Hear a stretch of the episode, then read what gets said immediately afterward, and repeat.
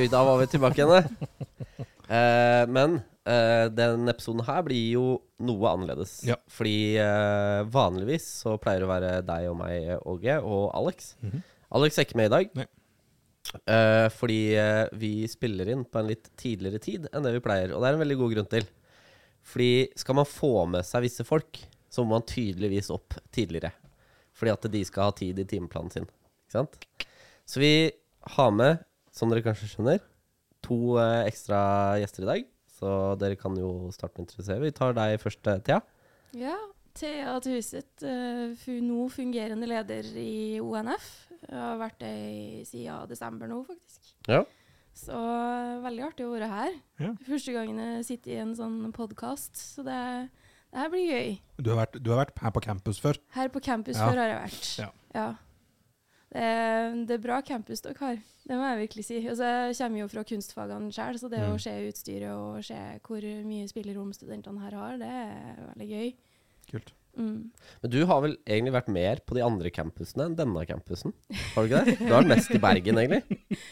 uh, nei, den i Bergen har jeg faktisk ikke sett ennå. Har du ikke det? Nei, nei, nei, men i Kristiansand har jeg vært da. Ja. Ja, ok. Uh, vi fikk til og med Ja. styremøte der en gang. Det var veldig stas. Ja. Ja, Men det kan vi få til igjen. Ja det, det er sant. Og så har vi med deg, eh, Tord.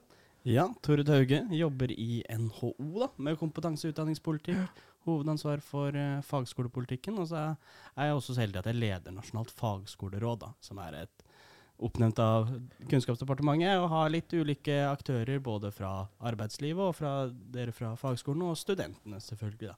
Så det er, eh, det er liksom min inngang inn her. da, Så får jeg ta og beklage at uh, dere måtte opp så tidlig uh, for podkasten. Minne om at klokka er kvart over ni, så det er Det, Alt det- før ti tid tidlig for studentene, vet du. Det, Ja. Det er sant. Så hva er det vi skal prate om i dag, da, Åge? Du, eh, forrige uke så la NHO frem det årlige kompetansebarometeret.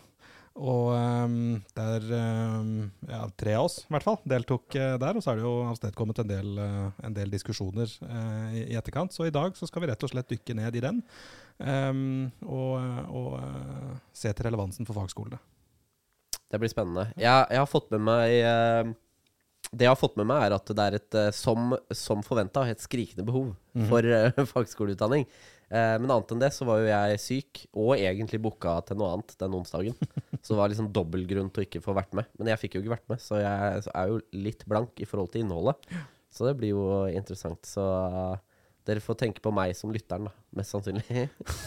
For de som ikke kjenner kompetansebarometeret, vil du ta en liten eh, introduksjon til hva det er, hvor lenge det har holdt på, hvem er det som deltar, og Det kan jeg gjøre. Ja. Det er eh, eh, NHOs kompetansebarometer er en, eh, liksom, det er en kompetansekartlegging, kaller man det. Det er en eh, rapport som NIFU, som er et forskningsinstitutt som jobber mye med eh, forskning og utdanning og, og forsker på det. De, de gjør denne på vegne av NHO, da, så det er NHO som bestiller den. og da eh, sender de ut en undersøkelse til eh, alle våre medlemsbedrifter, så alle bedriftene som er medlem i, i NHO.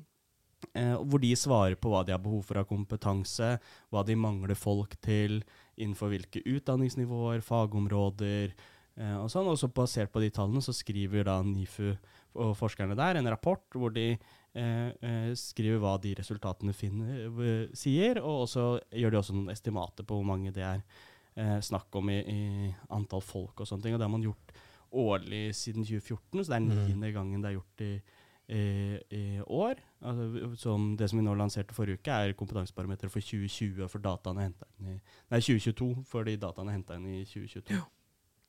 Eh, og den viser jo, som du sier, Niklas, at det er et skrikende behov for, for fagskoleutdannede. Den viser også at det er et stort behov for yrkesfag. eh, folk som har, gått, har fag svennebrev eller tilsvarende. Og eh, vi jo- gjør jo dette årlig, for det er en viktig, viktig måte både å løfte den problematikken. Eh, en av de største problemene og utfordringene våre medlemsbedrifter møter, er rett og slett at de får ikke tak i den kompetansen de trenger. Da. To av tre bedrifter har et uh, udekka behov for kompetanse. Eh, og veldig mange bedrifter forsøker å få tak i den kompetansen de trenger, men får ikke tak i søkere.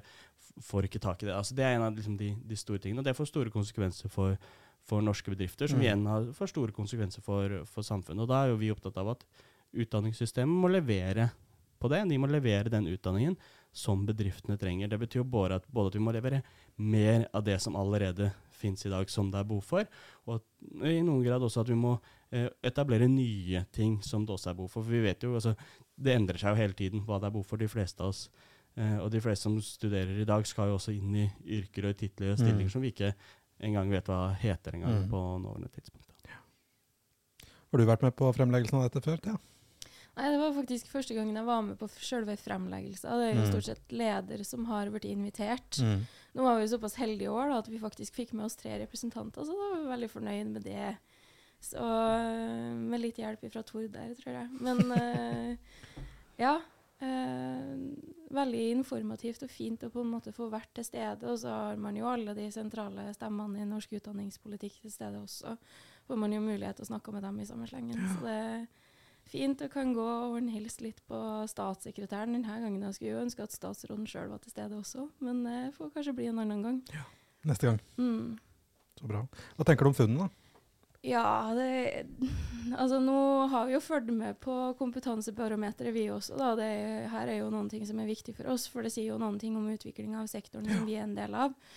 Um, men det sier, når man ser liksom at én av to eh, bedrifter eh, etterspør eh, folk med fagskoleutdanning, så skjønner man jo at eh, ja, vi, vi trengs jo. Og så er det jo sånn at eh, det behovet har jo bare blitt større og større de siste årene også, så vi skjønner jo at den satsinga som trengs, den er jo heller ikke på plass. Så her sitter vi nå og henter, da. At det skal skje ting. så eh, det er jo der, eh, der vi er akkurat nå. Men det er jo veldig fint å ha det her som kunnskapsgrunnlag også. Da kan man jo faktisk slenge det i bordet og si at her skjer det ikke nok. Så det er jo det det blir å gjøre framover. Det er bare å vise til det her at uh, nå ser dere en trend. Nå må det skje noe. Jeg merka meg at en av tingene som eh, Og det ble litt grann eh, frem og tilbake eh, i, i, i diskusjonen i salen der, var når, når Og han Christian, Er det Christian Pedersen han heter? ja? Pedersen i Tieto Evry. Tieto Evry kom på også, og tok til orde for, for kortere utdanningsløp. Kortere og mer praktisk utdanningsløp. Og at man ikke nødvendigvis trenger en femårig eh, rute på, på NTNU, eller hvem nå enn det skal være. Da. Men at eh, skal du, skal du lære å kode, eller skal du lære dette kodespråket, eller skal du lære det trenger ikke være innenfor IT heller, men, men så, og så ble det en diskusjon om, om lengden og bransje, eller hva blir det, lengden og eh, arbeidslivsrelevansen på, på noen av utdanningene. og eh, var vel trukket frem én eh, én aktør som hadde svart, og det var Forsvaret. Og av alle stillingene de nå liksom rapporterte inn at de trengte, så var det vel en og burde jeg ha tallene foran meg da, men det var vel rundt altså 40 med, med bachelor, 80 med bachelor-master, 200 med fagskole eller videregående opplæring. Altså fagarbeiderbakgrunn. Det kan bare få presisere, det er innenfor da forsvar og sikkerhetsfag. Ja, nettopp. Eh, så, så, så så for, Som har svart det, så, så viser man det at det er behov for mye flere innenfor for det. ikke sant? Så det er også en sånn Og man tror at behovet for knyttet til kompetanse innen forsvar og sikkerhetsfag er jo økende gitt den situasjonen vi er i også. Da, det tenker jeg på. Altså, eh, Man kan jo si da at eh, behovet til Forsvaret er så stort at de eh, er i prosessen å starte sin egen fagskole. Ja, ikke sant? Ikke sant? Det sier sitt. Vi får liksom ikke nok folk som har tatt utdanning et annet sted, så da må vi gjøre det sjøl. Men, men jeg syns- Forsvaret er et godt eksempel, litt vekk kanskje fra kompetansebarometeret, siden de, de ikke omfattes, fått, omfattes der. Men jeg har brukt Forsvaret litt som, som eksempel av og til, fordi de er i den unike posisjonen som For vi som jobber med bedriftene, at de er både produsent og bruker av den kompetansen de, de bruker. Det vil si at en normal situasjon så har du en skole som produserer de kandidatene, hvis man ser på en litt sånn forenkla måte. Og så har man bedriftene som, og eh, det offentlige og staten som måte henter den etter at de er ferdig, eh, og benytter seg av det til verdiskapning og sånn. Mens eh, i Forsvaret så er det samorganisasjon som både eh, lærer opp og henter ut. Og Det gjør at de må ha en helt annen kultur for etter- og videreutdanning for kompetanseheving. og Det tror jeg er en grunn til at Forsvaret er ganske gode på det. da. Eh, og, og nå snakker vi litt, Du du er jo heimevernssoldat, Niklas, det er jo jeg òg. Og eh, der ser man jo at der sier man jo på en måte at fordi vi har behov for denne, disse folka, så, eh, som vi har investert et år av utdanning gjennom førstegangstjeneste og, eller, og eventuelt annen utdanning, så må vi hente inn en, gang, en, en, uke i året for å trene de bare for å holde de ved like, egentlig. Da. Jeg syns det er en interessant måte å tenke eh, kompetanse på, som jeg synes, tror Forsvaret ganske, ligger ganske godt foran på. Og det tror jeg handler om at de er helt avhengig av det, for de kan ikke hente kompetanse utenfra. Da. Sånn som man gjør andre steder hvor man har det, den konkurransen på en måte som man har i, i arbeidslivet og utdanningssektoren. Da. Det er, jo, det er jo interessant. En av de tingene de fortalte oss på uh, den uh, innrullinga, eller jeg husker ikke hva det heter, til Heimevernet, så var jo det derre Ja, ja, grunnen til at Heimevernet eksisterer, er fordi at det er folket. Det er liksom uh, Uh, ja, når dere blir kjent med de troppene troppen deres, så kommer dere plutselig til å kjenne en elektriker, en snekker, og dere får liksom et fullt sånn spekter av mennesker, da. Og det er grunnmuren i Heimevernet. Det er ikke soldatferdighetene som betyr noe i Heimevernet. Det er, det er alle disse yrkesferdighetene som skal være med å bygge opp igjen samfunnet hvis det skjer noe. Og det, det hva, hva, er fagskole om ikke det er det, da? Ikke sant?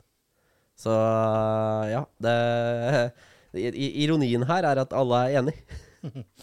Men um, jeg er kanskje litt ut av barometeret, men en, en, av de tingene som er vanskeligst, i hvert fall innenfor de fagene vi har, det er å finne og holde på lærere.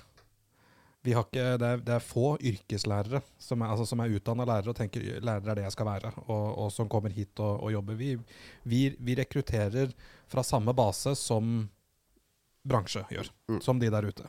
Og det, det er jo litt om den, Litt av utfordringen her er at man, man, baker ikke kaka større. Alle slåss om de samme kakestykkene. Mm. Um, en refleksjon vi gjorde oss etter studiebarometeret, var at vi i, i, kanskje i større grad gjøre sånn som Forsvaret. Men å gå ut og altså Forsvaret kan jo plukke ut av bedriftene, eh, eller de, de, den avtalen de har. Men eh, i, i, i større grad mm, eh, inngå ja, bransjepartnere på hvert studieprogram, men, men inngå eh, eh Eh, nesten sånn delte ansettelser med, med bransje. Eller, altså på, på, et, på et, en eller annen måte sikre at alle jobber for å bake kaka større, istedenfor å slåss om de kakestykkene som er der. Jeg tror det er viktig. Og, og det, altså, for det første så ser vi jo at det med etter- og videreutdanning, det med å holde på med kompetanse mm. underveis, det er helt, helt avgjørende. Åtte av ti av våre bedrifter med udekka kompetansebehov sier at de er, det er liksom hovedstrategien deres. Og, og, og, du illustrerer jo egentlig bare eksempelet som Kompetansebarometeret viser, at for dere som, som for dere som arbeidsgiver, så er det utfordrende å få tak i de folka man trenger, som har den kompetansen. Det holder på det. Og da må man også tenke nytt. og Jeg tror den der ansattmobiliteten mm. hvor man har eh, både i, i fagskoler og universitetene på universitetene og høyskolene også, hvor man kan dele mer, det er både eh, et, eh, etter hvert kan bli et mer sånn viktig og nødvendig tiltak for å få tak i de få eh, folka, altså den knappe ressursen kompetanse eh, til dels er. Eh, og så er det også en positiv effekt at det er eh, positivt kvalitetsmessig arbeidsrelevans. Mm. Det øker, så det er, også, det er også gode signaleffekter. Så det, jeg tror, Vi har jo snakka lenge om det, av, kanskje mer av den arbeidsrelevansdelen, men jeg tror det blir også mer aktuelt for mange fordi det er en av de få eh, for flere institusjoner det er en av de få mulighetene de har da, til å, å, få tak i den kompetansen de trenger for å drive virksomheten sin. Mm. Ja, jeg har også et uh, veldig veldig sånn konkret eh, Jeg føler det er et godt eksempel på, på det her. Eh, og det er jo um, Så min mor hun er sjef for teknikerne til Coca-Cola i Jeg tror det er Sør-Øst heter distriktet hennes. Det er fra Oslo og gamle Østfold og ned til Kristiansand eller noe sånt. Jeg husker ikke helt hvilket distrikt det var. Men hun, hun, har jo ansvaret for en hel haug med, med, fagbrev eller fagskoleutdanna folk. Og det hender jo eh, Altså, først snittalderen i teamet hennes tror jeg er 50 år. Fordi veldig mange av de som har den kompetansen som de trenger, tok den på 80-tallet, ikke sant. For da var det mer vanlig å ta den type utdanning. Eh, så når de skal ja, ta si det går av noen med pensjon, da, så sliter de noe helt sinnssykt med å finne folk til teknikerteamene. Fordi majoriteten av søkerne eh, de er jo, Det er jo kompetente mennesker, men de har feil kompetanse. Det er så mange som kommer inn og søker på de stillingene som har en bachelor i noe helt annet. Eh, det resulterer jo i at de sliter med å finne de rette folka til, eh, til de jobbene. Og grunnen til at jeg synes at Coca-Cola er et så godt eksempel, er vel for det første så har de ikke det problemet her i Coca-Cola i de andre landene i Europa. Det er Norge, liksom. Der sliter vi med å ha teknikere. Det, det, det, det er ikke sånn at de har mangel på teknikere på Coca-Cola i Tyskland. Mm. Der, der, der har de ikke noe problem med det. Der vedlikeholder de kaffemaskiner som bare det, ikke sant? Men konsekvensen av det her, da, sånn for folk flest, er jo altså Coca-Cola er verdens mest konsumerte eh, brus, ikke sant? Eh, så sliter du med teknikere. Så går samlebånda ned. Eh, du har ingen til å vedlikeholde kjøretøyene deres i kjøretøyparken deres. Du har ingen til å sørge for at kaffemaskinene på arbeidsplassen er oppe. Og vi veit alle hvor stor konsekvens det kan få. Så det, du får liksom en helt sånn sinnssyk snøballeffekt av noe de tenker at i utgangspunktet burde være liksom en sånn enkel jobb, ikke sant. Og så bare er konsekvensen er at hele bånden av pyramiden forsvinner. Og så bare ramler hele pyramiden sammen. For det har ikke noe å si hvor dyktig selgere du har, hvis ikke du kan ha teknikere til å følge det opp. Ikke sant? Uh, ansette selgere har ikke Cola noe problem med. Fordi det er plenty med folk som kommer ut av BI med bachelor i, i markedsføring. Ikke sant? Det, det, det, er, det er ikke der problemet ligger. Men du kan ikke selge produkter du ikke kan vedlikeholde. Ikke sant? Og da, da ryker du, da. Og det her er liksom sånn sinnssykt praktisk, ekte eksempel på det studiebarometeret, da. Mm. Kompetansebarometeret. Ikke studiebarometeret. Det kommer snart. Men det overrasker meg egentlig ikke, fordi at ser man jo hva man blir anbefalt Eller i hvert fall da jeg vokste opp, jeg vet at de har blitt en god del bedre på det nå de senere årene. Men det var jo primært eh, studiespesialiserende man rekrutterte folk inn i når de gikk på videregående, og så videre inn på universitet og høyskolen etterpå. Og mm, man trenger jo folk som er dyktige med hendene. Eh, og det er jo på en måte der eh, den her primær primærkompetansen liksom, kompetansen som man etterspør, ligger også. Det var vel eh, sånn at de eh, har vel behov for sånn 12 400, var det det?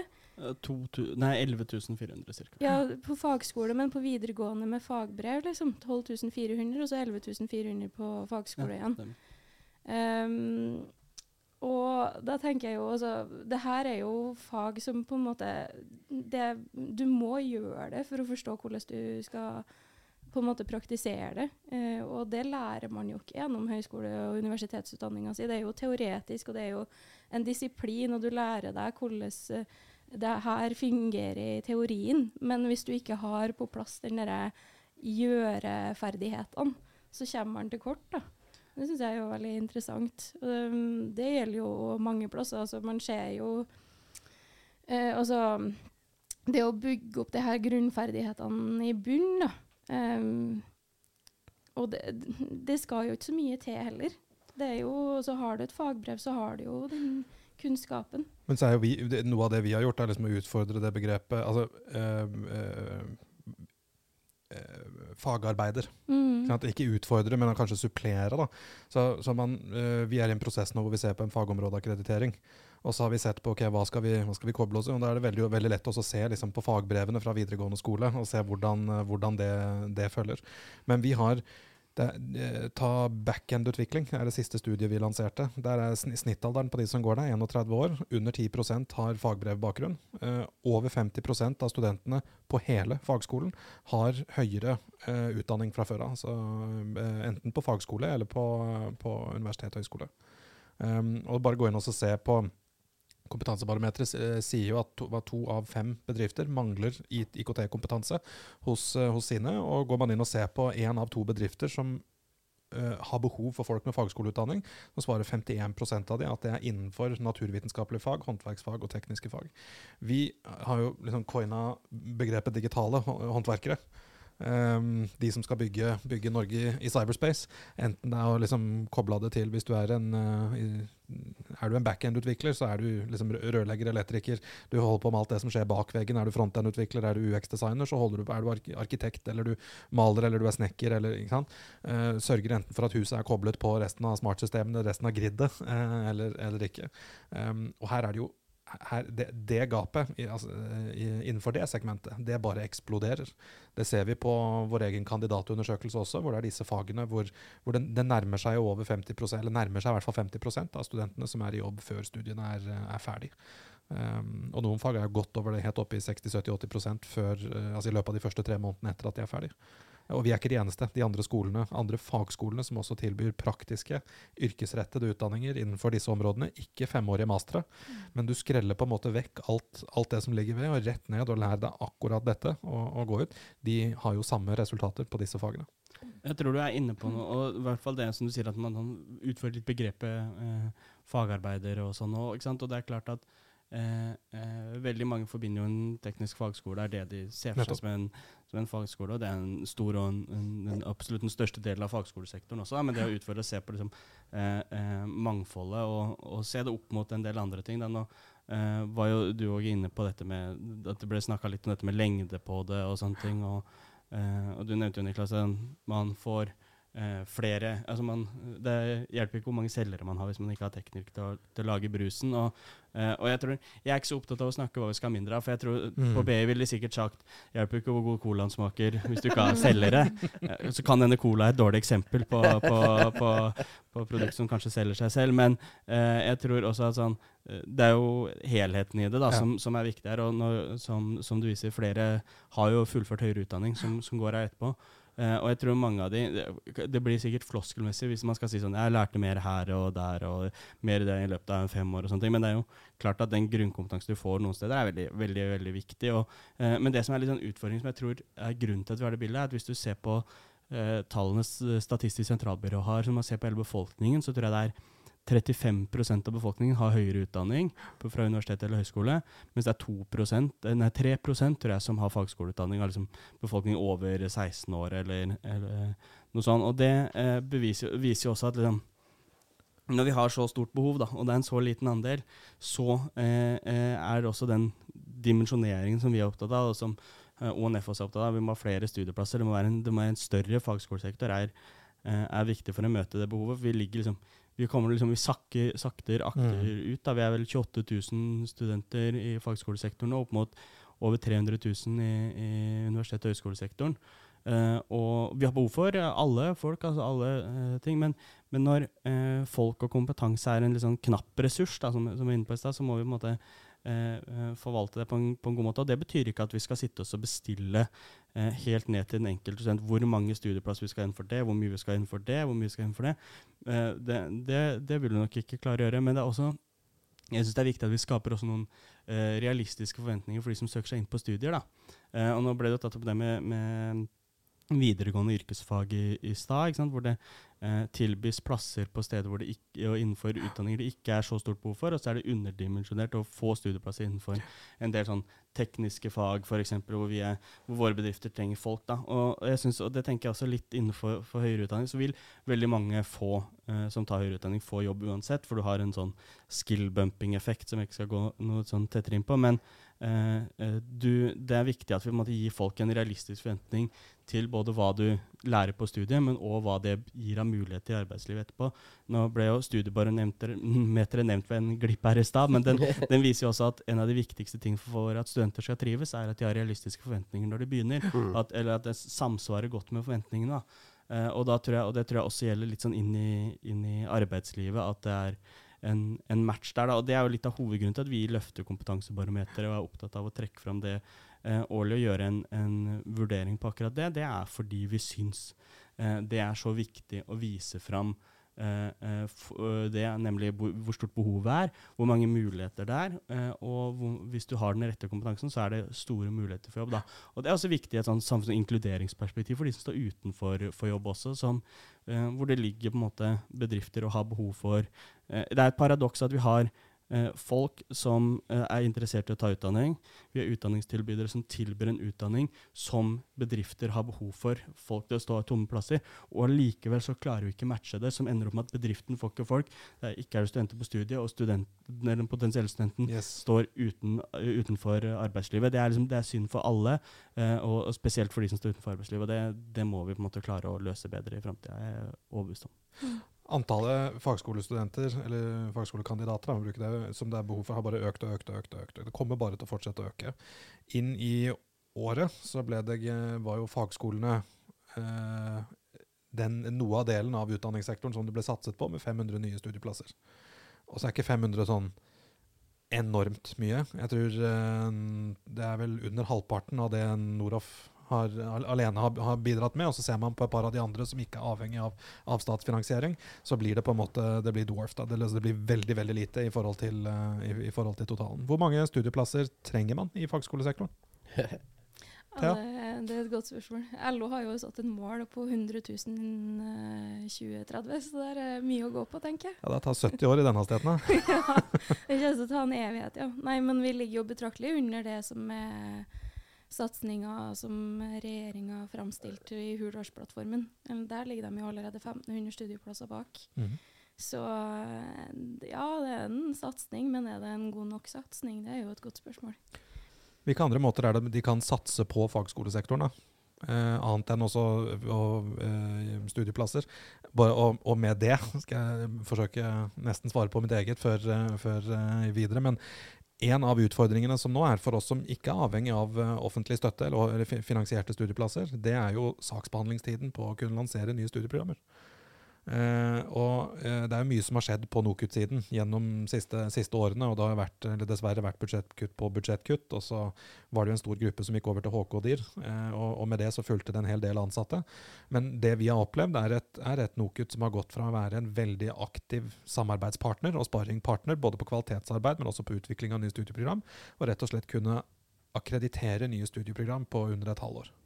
Det er de to gangene i året man kan søke, februar og, og, eh, og uh, august-september. Uh, for oss som ikke har områdeakkreditering ennå. Um, og, og, av de søknadene som kommer inn, så de, har de stort sett vært ferdigbehandlet opp mot jul. Og det vil si at en om, om, altså, omsette den kunnskapen i løpet av et lite år. Du, du, får den søkt inn på høsten, du kan lansere den høsten etter. Nå er vi oppe i 12-18 måneder saksbehandlingstid på, på dette. Et, et, veldig godt eksempel. Vi har uh, Cloud Fundamentals, skyteknologi, uh, inne nå. Og det er jo forventet å være godkjent om, uh, altså, innen et år. Altså, vi, vi, fikk akkurat brev om at vi, det vil ikke behandles dette halvåret heller. Det kommer, kommer neste. Det er ikke NOKUT sin feil, men det er rett og slett saksbehandlerkapasitet som, som, som står i veien. Um, det studiet vil jeg, vil jeg, tippe at i løpet av et lite år alene har generert opp mot 500 studieplasser. Ja, det er et studie vi i, i prinsippet kunne ha lansert nå til, til, høsten, men det blir nok et år uh, over det. Da. Og da er vi nesten på stadiet hvor studieplanen må ses på på nytt, læringsutbyttene må ses på på nytt. For dette er et felt hvor utviklingen går så fort at, uh, at uh, 18 måneder etter at vi søkte det inn, så må vi liksom se på en revisjonsprosess før vi kan lansere det. Um, så, så, jeg liksom fisker litt etter det. Det er en satsing som går utover bare det å finansiere studieplasser også. Mm. Du brant inne med noe, Tord? Ja, nei, dette er, dette er helt dette er, det er egentlig nitrist. Og så er det veldig liksom, teknisk og, og, og, og ja. vanskelig også. Men det er jo sånn som du sier, at det er en stor eh, propp i systemet nå ved at NOKUT ikke får eh, Ikke har ressurser eh, og folk til å, å akkreditere tilbud raskt. NOKUT sier at hvis de eh, hadde hatt midler til stillinger, så kunne de fort, fort eh, ansatt folk og, og, fått unna det. Eh, og så har NOKUT en sånn egen en, status som uh, uavhengige. De skal liksom ikke styres politisk av det, for det er de som på en måte styrer hva som er akkreditert. Og, ja, litt sånn. Som gjør det, gjør det litt sånn uh, ekstra vanskelig, sier departementet. Vi som fagskoleråd, både Fagskolerådet, NHO, eh, har, og LO, sammen med LO og sammen med studentene og flere, har man vært opptatt av å løfte dette til departementet. Være opptatt av å forklare dem hvor kritisk og alvorlig dette er.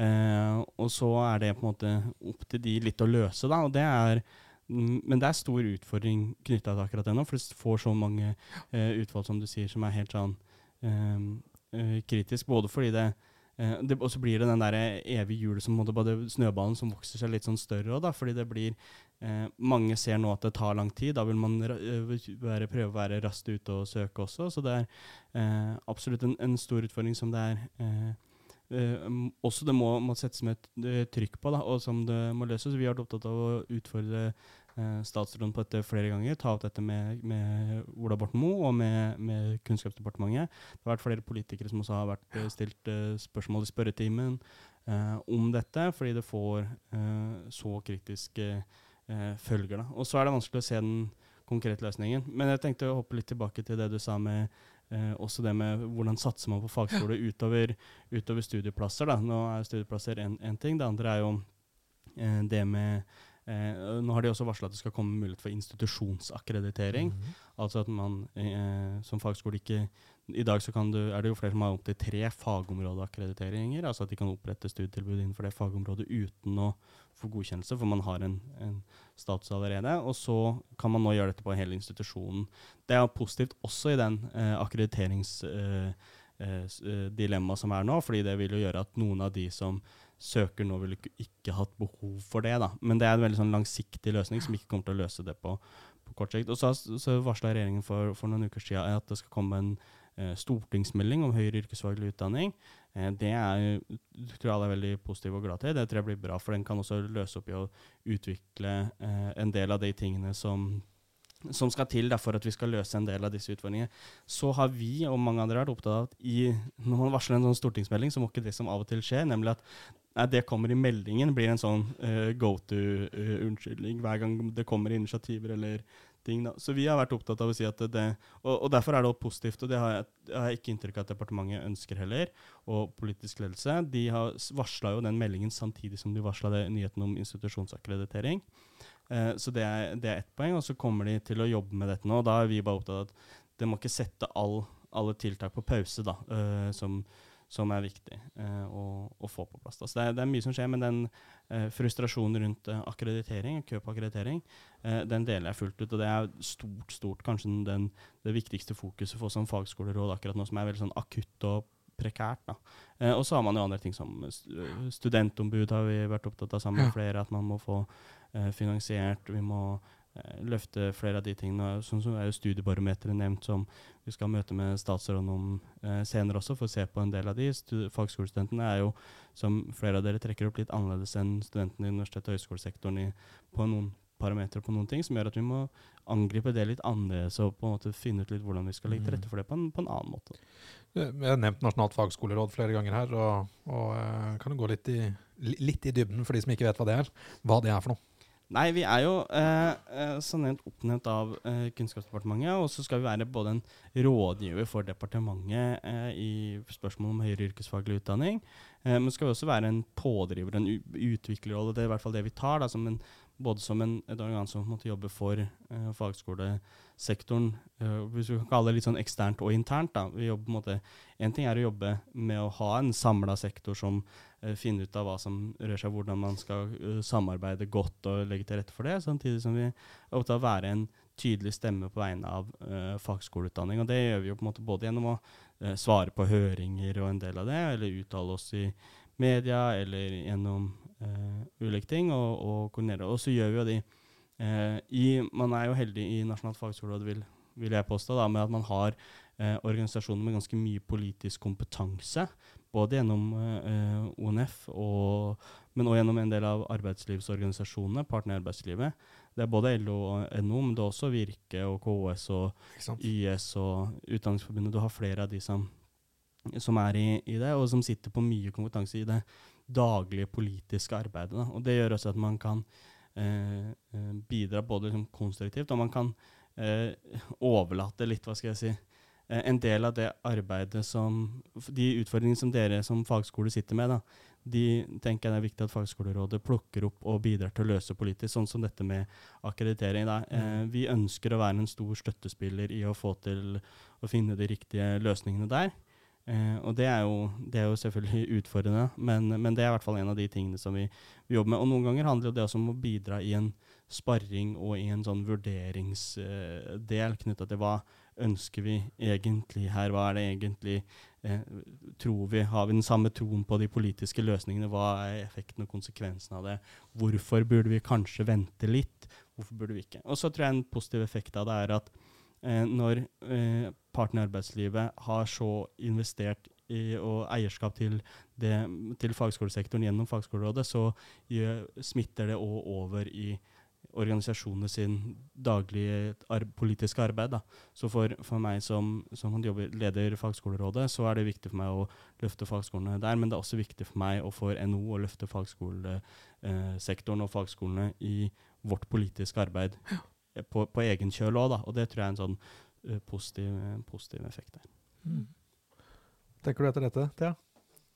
Jeg syns jo det er mye spennende. Så Egentlig litt lyst til å spore tilbake til akkurat det du sa når du begynte å nevne eh, akkurat det her med strukturer som må på plass ved siden av eh, det med studieplasser. Det er jo mye å ta av der. Og så tenker jeg når det først kommer på plass institusjonsakkreditering nå, nå kommer det jo fram en eh, evaluering fra NOKUT på akkurat det her med NKR-systemet. Veldig teknisk begrep. Tenker, det er snakk om Vi har vært innom NKR Ja. før, da, så vi er jo, vi er jo eh, i- poden podden veldig opptatt av NKR ja, og ikke sant? Ja, ja, ja, Eh, men da, da er jo sikkert dem som hører på det her, informert fra før av. Men da kan man jo bare snakke og gå ja, det. Men altså at institusjonsakkreditering i seg sjøl gir man muligheten til å bygge opp såpass solide fagmiljøer at man virkelig kan begynne å snakke og lobbe for uh, å få høyere NKR-nivå. Det vet man jo også at arbeidslivet etterspør. Så um, her er det jo mye å bare kjøre på med. Dere som sitter i landskapet, når får, vi, når får eh, fagskolen ECTS-poeng? Tror dere? Langt unna det? Håp og drøm. Det er jo litt sånn finger i Nei, eh, det er jo Et av utfordringene er at det er jo ingen pågående politisk prosess på det akkurat nå. Men den meldingen da, som, som kommer, håper jeg eh, fjerner mye av den tvilen og det behovet og de eh, tingene man ofte får knytta til liksom sånn Vi vet ikke nok om det, vi er, vi, dette er ikke kartlagd. En del sånn, sånne ting. Alle de tingene, også knytta til NKR, at man får rydda unna alle de eh, eh, problemstillingene. Fordi det er jo ikke sånn at det sitter folk og måte, gjør dette eh, Folk som er skeptiske eller sånne ting, gjør det jo ikke liksom av vond vilje nødvendigvis, men det handler jo om at man er usikker på om man ser, er, kan se konsekvensene godt nok. Det å følge liksom, en utredningsinstruks når det kommer til liksom, det, det politiske eh, er jo, altså, Det er jo kjedelig for oss som er utålmodige og måtte vente på utvalg og, og u, offentlige utredninger og diverse. Eh, men det har jo også en styrke, og det som jeg tror er viktig knytta til ECTS og til, til NKR, og eh, for så vidt institusjonsakkreditering også, er at når det først kommer, så er det eh, så har det et godt faglig fundament da, og er forankra godt nok til at når det kommer, så, så vil det være naturlig. Fordi hvis du rusher det for mye, og det er jo den, den balansen med sånn, vi må få det på plass så fort som mulig, men når det kommer på plass, så må det stå seg. da. Eh, og det å gjøre den, de, de vurderingene der, det er, det er vanskelig. Men nå skal vi jo se på det litt med ECTS i fagskolerådet også. Se, eh, er i hvert fall ambisjonen vår å, å, å gå litt inn på, på akkurat det. For det er jo et paradoks at det har vel dere pekt på før, at dere får godkjent eh, utdanningen deres i ja, utenlandske institusjoner, men ikke norske, f.eks. Det er jo en sånn litt sånn eh, paradoks, da. Eh, og så tror jeg det er viktig i den eh, NKR-diskusjonen, altså hvorvidt eh, fagskoleutdanninger skal få gå på et nivå, så tror jeg det av og til eh, verserer en eh, litt sånn misforståelse blant noen på at all fagskoleutdanning skal opp på nivå 6 eller syv. Det er det ikke. Det er snakk om at altså, mesteparten av fagskoleutdanning, også i fremtiden, hvis vi som mener at det burde kunne innpasses på høyere nivå også, skal jo fortsatt ligge på nivå 5, men det fins fagskoleutdanning i dag som ligger på nivå 5-2, da, som i dag burde noe av det kunne innplasseres på nivå 6 osv. Og, eh, og det er ikke fordi det er så viktig når, man kommer ut av det å si at det var på nivå 6, men det er fordi når man i dag ber om å få tilbudt denne utdanningen, så får man nei, og så må man eh, skrive ned og man må svekke nivået på det for å få lov til å tilby det. Så man får ikke lov til å tilby Det er måte, det er det som er konsekvensen. Det handler jo ikke så mye om eh, hvorvidt eh, hva man skal kalle de ulike. Det handler jo kanskje mer om liksom, hvordan eh, man skal få lov å kunne tilby den utdanningen på det nivået som arbeidslivet etterspør, Mm. som studentene trenger, som utdanningsinstitusjonene kan tilby. Som, som alt ligger til rette for, da, men som man har liksom en teknisk øh, teknikalitet som gjør at man ikke kan gjøre det, som i hvert fall vi er, mener at må kunne løses. Da. Og Der blir det viktig at man får orden på det. Ja, altså er flere innganger. Du, du nevnte dette med å få godkjent utenlandsk ut, eller tilsvarende utenlandsk utdanning. Vi er en av de, men det er, det er mange andre fagskoler som også har en såkalt 2 pluss 1-avtale, Mm. hvor studentene etter å ha gått to år på en fagskole i Norge på nivå 5, kan gå videre og, og rett inn på sitt tredje år på noe som er altså EQF, da, for å ta europeiske eh, tilsvarende. Vi, vi sender mange, og vi sender mange til de samme skolene som, som de andre fagskolene i sektoren eh, også gjør. Og de akkrediterer det. altså De, de slipper rett inn på, på siste året på, på NKR6. De melder jo også at uh, fagskolestudentene ofte gjør det Bedre. over snittet Ja, bra nettopp. På, på universitetet deres. Og så, så det er den, men da har du en utfordring i det studentene kommer tilbake igjen. Mm. Eh, fordi de har ikke ECTS. på den. Eh, det er ikke akkrediter- Universitetene vil ikke nødvendigvis slippe det inn og ta en master. Det er, I Norge nå så er det opp til det, det enkelte universitet om de vil gjøre det. Det er ikke noe som står i veien for det, men det blir, liksom en, det blir en veldig, veldig individuell uh, vurdering. Mm.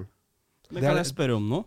Eh, altså Hvis all den tid fagskoleutdanning skal være noe annet enn universitet- og høyskoleutdanning, så er det jo viktig at vi ikke går uh, i den retninga at vi, på en måte, man blir for lik. Da. At, man, at det er et mål at man skal kalle det eh, Ikke likestille, men altså at det skal være nesten det samme. Da, så man må klare å vise frem dette som noe annet. Da. Og det tror jeg kanskje er liksom det som kanskje er utfordringen. At noen sitter og tenker at fagskolene sier at de er noe annet, men så skal de ha på en måte eh, at man skal få godkjent utdanning på tilsvarende måte da, som, eh, som eh, universitet- og høyskoleutdanning. Eh, og, og der tenker jeg vi kan kanskje være flinkere også på å på en måte forklare forskjellene på det. At det er Ja. kanskje det det er. da, og Hvordan skal vi kunne lage et utdanning hvor ikke det er det samme?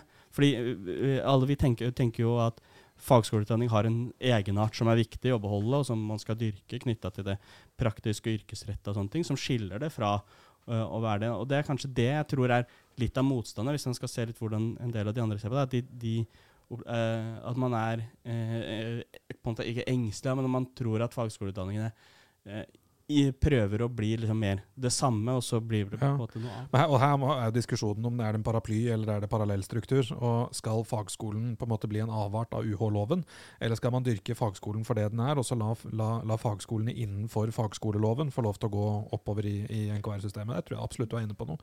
Og øh, for å legge til også ehm, det offentlige, altså tilbake til våre studieprogram, naturlig nok, det, det står oss nærmest, det eksempelet jeg har. Men der har du eh, store, store IT-bedrifter som leverer anbud på store, store offentlige jobber. Så sier det offentlige at det krever utdanning på nivå sånn og sånn for de konsulentene som skal jobbe på det. Er et kjempeproblem. Mm. Det er et kjempeproblem. Niklas? Um, det er et par punkter eh, som, jeg, som jeg har liksom sittet og ville sagt en liten stund nå, egentlig. Fordi jeg satt og diskuterte eh, med en som studerer informatikk på UiO. Og jeg syns det er fascinerende, fordi han anerkjenner at han kunne tatt fagskolegrad og hatt den samme yrkeskompetansen som han ville hatt etter tre år på bachelor, men på to år på fagskole. Det er den samme kompetansen han sitter med, det er den samme jobben han er kompetent til å gjøre etter, etter, etter endt utdanning. Ikke sant? Uh, og da er det litt sånn uh, ironisk, da, hvor på en måte på den ene sida så har vi fortsatt noen statlige organisasjoner, typ Nav, som har veldig strenge krav til ansettelser når det kommer til IT-seksjonen deres, f.eks. Så krever de fortsatt bachelor til master. Uh, så der har du noen fagskolestudenter som finner ut av det, og så tenker de sånn Hæ, faen kan ikke jeg gjøre det? Jeg er jo kompetent til å gjøre det. Og så er sannheten i det at de er kompetente til å gjøre det, fordi vi har skrevet ned NKR-nivået, men kvaliteten og eh, kompetansen de sitter med, er fortsatt eh, på nivået over. De er jo kompetente, de er bare ikke anerkjent for det. Eh, så, så da sitter fagskolestudenten og, og skriker for det, og så sitter eh, UH-studenten og skriker for at eh, hva faen, jeg kunne jo brukt kortere tid på den utdanninga her. Eh, og så For å svare konkret på det du spurte om, Tord, så har jeg veldig Jeg har et godt eksempel i min egen utdannelse på fagskolen. For jeg har jo en eh, fag, høyere fagskolegrad i spillutvikling. Og eh, fra eh, første året var veldig generelt. Det var veldig sånn OK, 3D, liksom generell 3D, åssen driver med det? ikke sant? Alt ifra eh, hvordan du fyller et miljø et spill, eller om det er til spesialeffekter til film. ikke sant? Det er veldig sånn generelt. Eh, andre året var veldig spissa mot spill spesifikt. ikke sant? Spillmotorer, liksom koding i bakgrunnen og sånn. Som er i og for seg bra, da, ikke sant? men der hvor det blir en parallellstruktur, er at for meg så stopper spesialiseringa der. Uh, jeg kunne tatt en ytterligere spesialisering innenfor, innenfor spill, uh, som har forskjellige fagfelt. Ikke sant? Jeg har en, en, en fagskolegrad i, til å utvikle spill, men realiteten i den bransjen er at du har kategorier innafor det igjen. Hvor mitt tredje år kunne vært på å lage karakterene som løper rundt i spillet. Ikke sant? Det kunne vært mitt tredje år, å spesialisere meg på å lage de. Uh, og der kan du også dra en bra en bransje, branch ut igjen, da, som sier at uh, OK, kanskje jeg fant ut at det var ikke spill nødvendigvis jeg vil spesialisere meg, men det var disse karakterene. Altså, dere, dere, dere ser jo hvor realistiske spesialeffekter er, på, er, på, er i filmer i dag. Det er så mye 3D i filmer i dag som veldig mange bare sånn Wow, faen, det ser jo ekte ut. Og det er jo liksom eh, Realiteten i det er at der har du liksom fagskolegrad, da. Og forskjellen på liksom sånn eh, OK, etter to år, jeg kan selv sette meg ned og øve på å lage karakterer, om det er det jeg har lyst til å lære meg å lage. Men jeg vil jo fortsatt på en måte ikke ha den anerkjente kompetansen til å gjøre det. Og så må man jo da også stille seg spørsmål hvorvidt uh, kvaliteten bak min egen undervisning ved, Fordi altså, man har YouTube, og jeg kan liksom gjøre det selv. Men det å ha en, en fagperson som kan guide meg gjennom det ikke sant? Jeg vil jo oppnå langt større kvalitet i arbeidet mitt på ett år med en sånn, med en, en sånn person til å hjelpe meg, med de rette verktøyene ved siden av meg, kontra at jeg skal finne ut av det selv. Og, og der tror jeg det er veldig liksom sånn misforstått med mange fra som er liksom imot det her. Da, at de tror at det skal være liksom en overtagelse, mens det vi egentlig prater om, er vi vil ha en større fordypning i erfaring. Ja. Jeg syns jo det er veldig interessant å høre på det eksempelet i forhold til det å liksom se på det her med informatikkfaget. For sjøl eh, når jeg kommer fra kunstfeltet altså Vi har jo en, eh, en praksisutdanning, eh, en profesjonsutdanning, som strekker seg hele veien opp til en ph.d. Og hele studieløpet er jo egentlig veldig praksisretta. Altså 50% av Nå går jeg på høyskole, da, det er veldig naturlig for oss som studerer visuell kunst. Eh, men Um, altså, hele studieløpet mitt, mye av det han baserer jo seg på egen praksis. Altså 50% av studietida mi er egen praksis i, på atelier der jeg jobber med det å skrive søknader, og det å produsere. Um, og jeg mener jo oppriktig talt, uh, fra mitt ståsted, uh, at kunstutdanninga, hvis fagskoleutdanninga i dag hadde tilbydd uh, utdanninga på NKR-nivå helt opp til åtte, så hadde jo kunstutdanningene vært en fagskoleutdanning.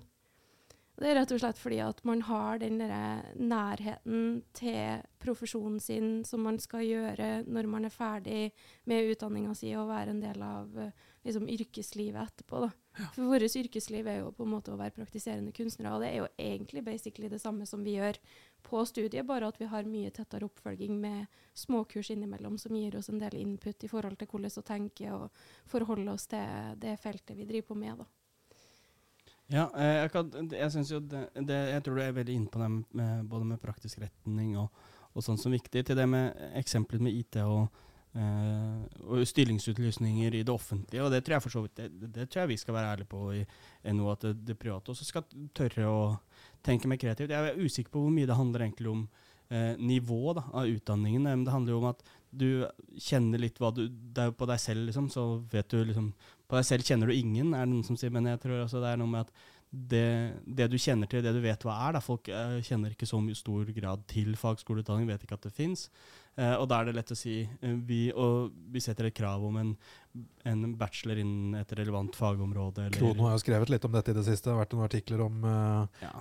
Og hva er, liksom, hva er relevant? Men jeg tror det også er liksom utfordring det er både på, på nivå, da, men også innenfor fagområder. Der har vi sagt at vi eh, må tørre å tenke nytt og kreativt og se utover liksom, de tradisjonelle fagområdene. Eh, og det gjelder jo både innenfor det som typiske eh, humanistiske, samfunnsvitenskapelige fag også, hvor det kan være store eh, ressurser, hente mye kompetanse der også, som man kan, kan, kan hente, men som man ikke eh, kjenner like godt til. Og det å både få økt praksis for en del av de studentene kunne vært viktig også, for å, for å øke noe av det. Så jeg tror at eh, man skal det, men jeg tenker jo også at eh, en treårig bachelor i IT på Universitetet i Oslo er jo eh, bra, men det er jo noe helt annet igjen, som, som jeg sier. Så det, det er noe annet, og de får kanskje en mer sånn eh, grunnleggende eh, Hva skal jeg si, en mer sånn eh, en annen type. Nå kjenner jo ikke jeg de, to, de utdanningene godt nok til å kunne kommentere liksom, det, men, men eh, de er jo også en sånn Det er jo 180 studiepoeng som er ganske dypt og godt på Universitetet i Oslo. Du får jo ganske mye kompetanse der, men det er noe annet på en måte enn det du får fra der. Så når man ber om noe, så er det kanskje også mer fordi man ikke kjenner til helt sånn uh, hva som uh, kreves, og så vet man heller kanskje ikke nok om når man skal utforme en stillingsutlysning, hva er det egentlig vi trenger i denne jobben også, da, for det er jo også et sånn, uh, en sånn utfordring. Men de fleste vil jo på en måte ansette folk som er ganske lik seg selv, hvis de ikke er bevisst på det. Niklas? Jeg tror det var Ernst som sunt. Jobber hos oss, Ernst Sundt, som, eh, som sa det første gangen, at uh, en bachelor handler i hovedsak om å innhente informasjon. En master handler om å anvende informasjon. Uh, så da jeg hørte det, så begynte jeg liksom å gruble litt på det. Og det her er kanskje litt sånn uh, veldig frampå for fagskolesektoren å si, da. Men eh, jeg har jo en tanke om at eh, UH-sektoren i all utgangspunkt handler om å skape arbeidsplasser. Og fagskolen handler om å utføre dem. Fordi jeg tror vi alle kan være enige at det tar langt mer arbeid bak, og mye mer informasjon bak å skape en stilling, enn å utføre den. Fordi når du skal utføre den, så trenger du bare spesialiseres i den stillinga. Både òg, da. fordi har, det er en del av våre studenter som faktisk går ut og skaper, egne, altså skaper sin egen arbeidsplass og skaper nye bedrifter. Ja, så tenker jeg at en eh, liksom, hovedgreien innenfor eh, fagskolesektoren er jo at man tenker mye in- innovasjon, fordi at man har så mye praksiserfaring at man ser en god del av de utfordringene som eksisterer i arbeidshverdagen som andre ikke nødvendigvis fanger opp. Da. Og der tror jeg også det ligger mye liksom, i forhold til hvordan man kan tenke løsninger framover i forhold til f.eks. grønt skifte. da. Det å på en måte se de her løsningene som man ellers, ellers ikke ville ha fanga opp, hvis man bare skal sitte der og jobbe med teorien bak. Så Sånn sett så er jeg med på den tanken at ja, så klart er, blir man godt rusta til å gjøre og gjennomføre arbeidsoppgavene som må gjøres i framtida. Men i tillegg så har man også de løsningene i hodet, så hvis man får det ekstra kompetansepåfyllet, så er man plutselig rusta til å også skru opp eh, strukturene rundt for å skape gode arbeidsplasser sjøl. Ja, jeg eh, er enig. Og så er det eh, snakket om dette med å lyse ut stillinger og hva man faktisk ser etter. Det er jo også litt i forhold til kjennskapen til fagskoler og hva fagskoler er. Altså, sa jo tidligere liksom, hva, hva er en, eh, en fagarbeider? Eh, og, og det tradisjonelle perspektivet på hva fagskoleutdanning er. altså At det er de fylkeskommunale, der de liksom bygger videre på fagbrev fra videregående. Men at det, det også er en, en hel del andre ting som ligger i, i, i fagskole. Og du har, har IT-sikkerhetseksperter som kan gå rett i jobb i Forsvaret. Liksom, eh, på, på det nivået, eller rett i jobb i og en av de store bankene. Eller du har utviklere som kan gå rett inn og jobbe på store, store eh, tekniske løsninger, enten for det offentlige eller for det private. Um, så det, det er liksom kjennskapen til eh, de fa altså fagskolekandidatene og de fagskoleutdannede også, og egentlig statusen til eh, fagskoleutdanning jevnt over. mm. Men der er utfordringen til dere. Nå er jo jeg en av, en av Noroff-poddens faste lyttere. da. Eh, men å, å, å få inn kanskje noen da, som har gått eh, noe hos dere, eh, og, og, og få inn noen der som kan, kan fortelle litt om det. ikke sant? De, hva de lærer, hvor de, hva de bruker det til. Ikke sant? For jeg tror at den der, det med eh, rollemodeller og eksempler er, er veldig viktig. Og I lanseringen til Kompetansebarometeret så pek, pekte Eva Grinde, som er kommentator i DN, litt på det at eh, hvorfor er det higet kanskje etter høyere utdanning i dag? Det er jo fordi alle vi ser i prateklassen, kommentariatet, i offentligheten, eh, i stor grad som, eh, som på måte, eh, man på en måte kan si at eh, representerer eh, eksempler på et godt arbeidsliv, da, som hun sa, det er stort sett folk med, med, med høyere utdanning. Og det å klare å vise liksom, eh, mer fram det. Da. Og jeg har vært veldig opptatt av å si at når det kommer til eh, yrkesfag og liksom sånne ting, så er det veldig og, at jeg ofte hører den historien om sånn Nei, han eh, eh, Karsten han var ikke så sleit litt med den teorien, han, så han fikk være litt med vaktmesteren, og så begynte han på yrkesfag, og så var det bra. Liksom, og, eh, og det er veldig bra for de eksemplene og, og, eh, og sånne ting òg, men det er jo også viktig med yrkesfag. sånn det vi snakker om her med de, liksom, de fremragende, de dyktigste fagfolka vi har. da. Det er ingen jeg brukte som eksempel, det er ingen som har sagt til meg sånn Tord han var ikke så god på det praktiske, han, så var godt han fant universitetet og den teorien, sånn at han fikk noe han kunne holde på med. Så han kunne sitte og lese for seg selv og Ja. ja. Det var liksom ingen som, det er ingen som sa at han, det, han var aldri noe flink med, med, med det, så det var bra at han liksom redda han der. ikke sant? Og det er litt sånn eh, eh, Det er akkurat det med at liksom den fremragenheten, den eh, faglige spissinga, hvor ekstremt dyktige folk vi har, da, eh, eh, er ekstremt viktig å, å få fram. Mm. Syns jeg vi skal begynne å si, faktisk. Ja, det syns jeg òg. Veldig godt poeng. Og vi tar absolutt eh, den. Vi har tenkt å få inn flere alumni eh, over, over tid. Men eh, det syns jeg vi skal gjøre, Niklas. Mm. Ja, vi, vi, vi har jo øh, noen øh, fremtidsplaner. Altså, vi har jo noen ambisjoner. Vi Mhm. øh, har jo et fagråd, blant annet, som vi har lyst til å få inn. Med litt sånn samarbeidspartnere som vi har der. For å vise litt sånn bransjerelevans. Så det er jo på tapeten. Og bransjepartnere ellers som vi Ja. skal ha inn. Og, altså, det blir, eh, det blir eh, det, Stay tuned. er Ja. grunn til å lytte, jo- lytte videre. Og så er det jo klart at det hadde vært jævlig gøy å fått med eh, noen alumner, eller uteksaminerte, da. Um, men eh, der er jo, som vi vet, det et skrikende behov etter disse menneskene. Så å få de til å finne plass i timeplanen sin, eller til å ta seg fri, eller Opp enda tidligere, da. Ja, må brått det. Det må være før jobb, da. Eller etter. Ja, skal Uh, nei da. Men uh, vi, vi har jo muligheten til digitalt Ja, ja, og litt sånt også, så det, det finner vi sikkert en god løsning på. Men uh, vi er helt enig at uh, det er noe vi ønsker. Hva spår vi snart gå inn for landing her, men hva, hva spår vi for utviklingen av sektoren det halvåret, eller det år, resten av det, det året? Her da, Det er jo en ny DBH-rapportering og telling av sektorens størrelse i mars, og så kommer det jo et, eh, et høstinntak som, som vi er veldig spente på. Nå var det jo et lite liksom, eh, platå Mm. eh, som Flata litt ut. eh, flata litt ut, men det er jo en del sånne koronastudieplasser og, og eh, korte, korte intensive eh, studieplasser. eh, 7,5 studiepoeng og 15 studiepoeng og sånn som, eh, som eh, forsvant ut. Men hva, hva tror vi om utviklingen av fagskolesektoren, og, og tror vi på at det kommer noe i revidert som er av interesse?